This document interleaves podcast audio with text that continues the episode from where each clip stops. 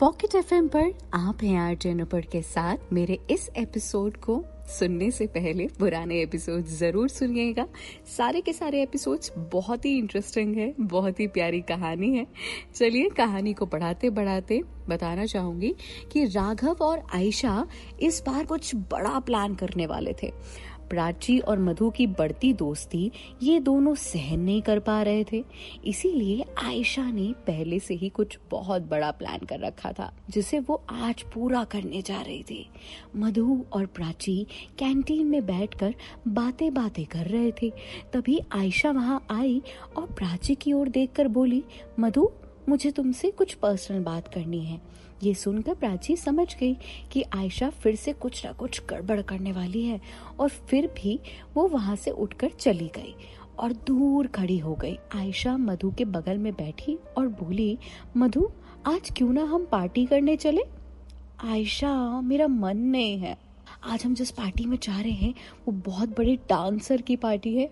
मैं उनसे तुम्हारा इंट्रोडक्शन करा दूँगी, ताकि कभी काम पड़े तो तुम उनकी हेल्प ले सको। मधु के सर में आज हल्का सा दर्द था। ब्लड प्रेशर कम होने की वजह से उसके सर में हमेशा दर्द रहता था। लेकिन आयशा के काफ़ी फोर्स करने पे वो पार्टी में जाने के लिए मान गई और इवनिंग में पार्टी के लिए रेडी होने लगी। उसने रेड कलर के गाउन पहन रखी थी। मधु पहले से ही देखने में काफ़ी सुंदर थी। वो रेड कलर मधु पर काफ़ी खिल रहा था। पार्टी दिल्ली के सबसे बड़े होटल वैली शूट में थी। आयशा भी मधु के साथ पार्टी में गई। मधु और आयशा ने एंटर किया। बड़े बड़े लोग वहाँ मौजूद थे। अपने इर्द गिर्द इतने लड़कों को देखकर मधु खुद को अनकंफर्टेबल फील कर रही थी। पर आयशा वो तो बहुत मज़े में थी। वो तो चाहती थी कि मधु को यहाँ लेकर आए और उसे तंग करें। आयशा मधु को बियर की टेबल पर ले गई। और उसे शराब का गिलास पकड़ाते हुए बोली, हो जाए मधु आज। हम्म? मधु शराब का गिलास दूर करते हुए बोली, मैंने पीना बंद कर दिया है। ऐसे कैसे पीना बंद कर दिया है?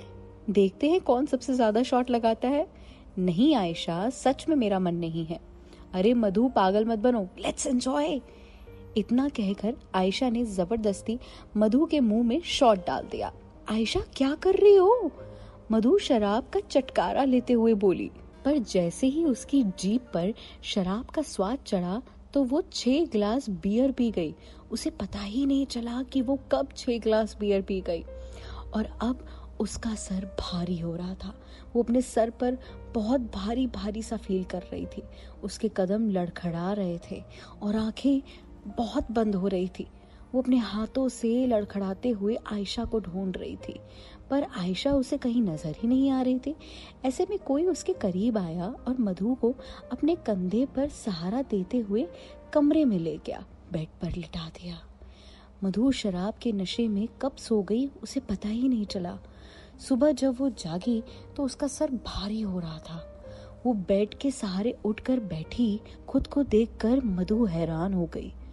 उसने अपने शरीर पर हाथ फेरा तो उसे महसूस हुआ कि उसके शरीर पर कोई कपड़ा नहीं है।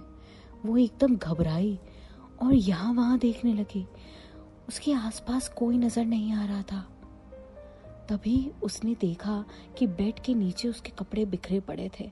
ये देखकर उसकी आँखों से टप टप आँसू बहने लगे। क्या हो गया था ये?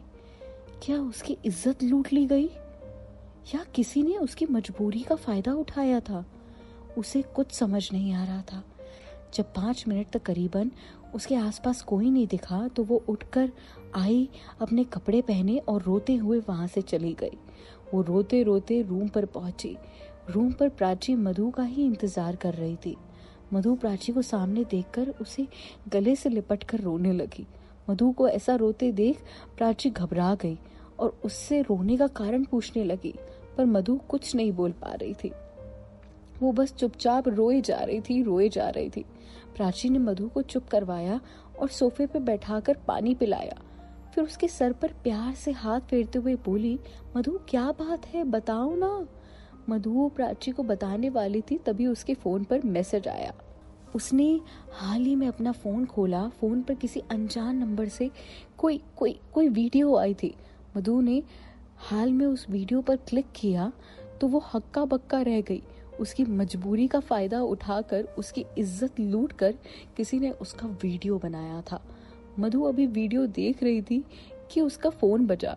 मधु ने फ़ोन उठाया और रोते रोते बोली, हेलो, सुन लड़की, अगर तू नहीं चाहती कि तेरा ये एमएमएस लीक हो तो चुपचाप एक लाख रुपए का इंतज़ाम कर दे। मधु ये सुनकर हैरान हो गई और अपने आँसू पोछते हुए बोली, एक लाख? हाँ अगर पंद्रह तारीख तक मुझे एक लाख रुपए नहीं मिले तो मैं ये एमएमएस लीक कर दूँगा. मधु फ़ोन रखकर बैठी बैठी रोने लगी।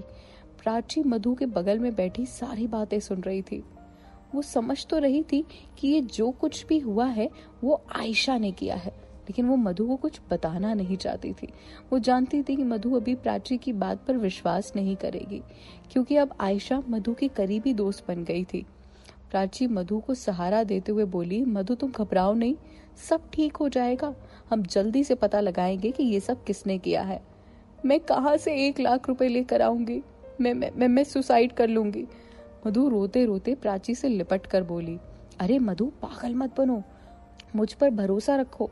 मैं कुछ ना कुछ करके ये सब पता करवा लूँगी। बस तुम घबराओ मत। मधु अब पूरी तरह बिखर गई थी। उसे समझ नहीं आ रहा था कि उसके साथ इतना बेहुदा मज़ाक किसने किया। उसकी इज़्ज़त अब तक मज़ाक बनकर रह गई थी। वो बार बार उस वीडियो को देख कर रो रही थी। उसके दिल से और दिमाग से अब स्टूडेंट ऑफ़ द ईयर की ट्रॉफी और डांस रिहर्सल का भूत उतर चुका था।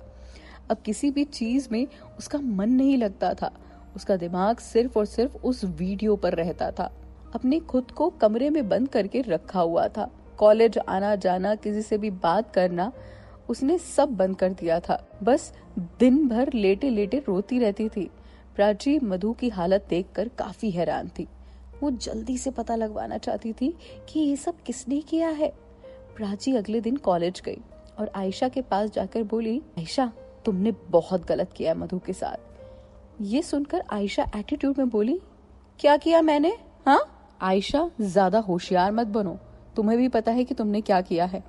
तुम खुद एक लड़की होकर किसी की इज़्ज़त के साथ कैसे खिलवाड़ कर सकती हो? तुमने मधु के साथ बहुत बेहुदा मज़ाक किया है। देख लेना, मुझसे बुरा कोई नहीं होगा। अब आगे क्या होता है, ये जानने के लिए आपको सुनना पड़ेगा पॉकेट एफएम अगला एपिसोड कल इसी चैनल पर आपको मिलेगा।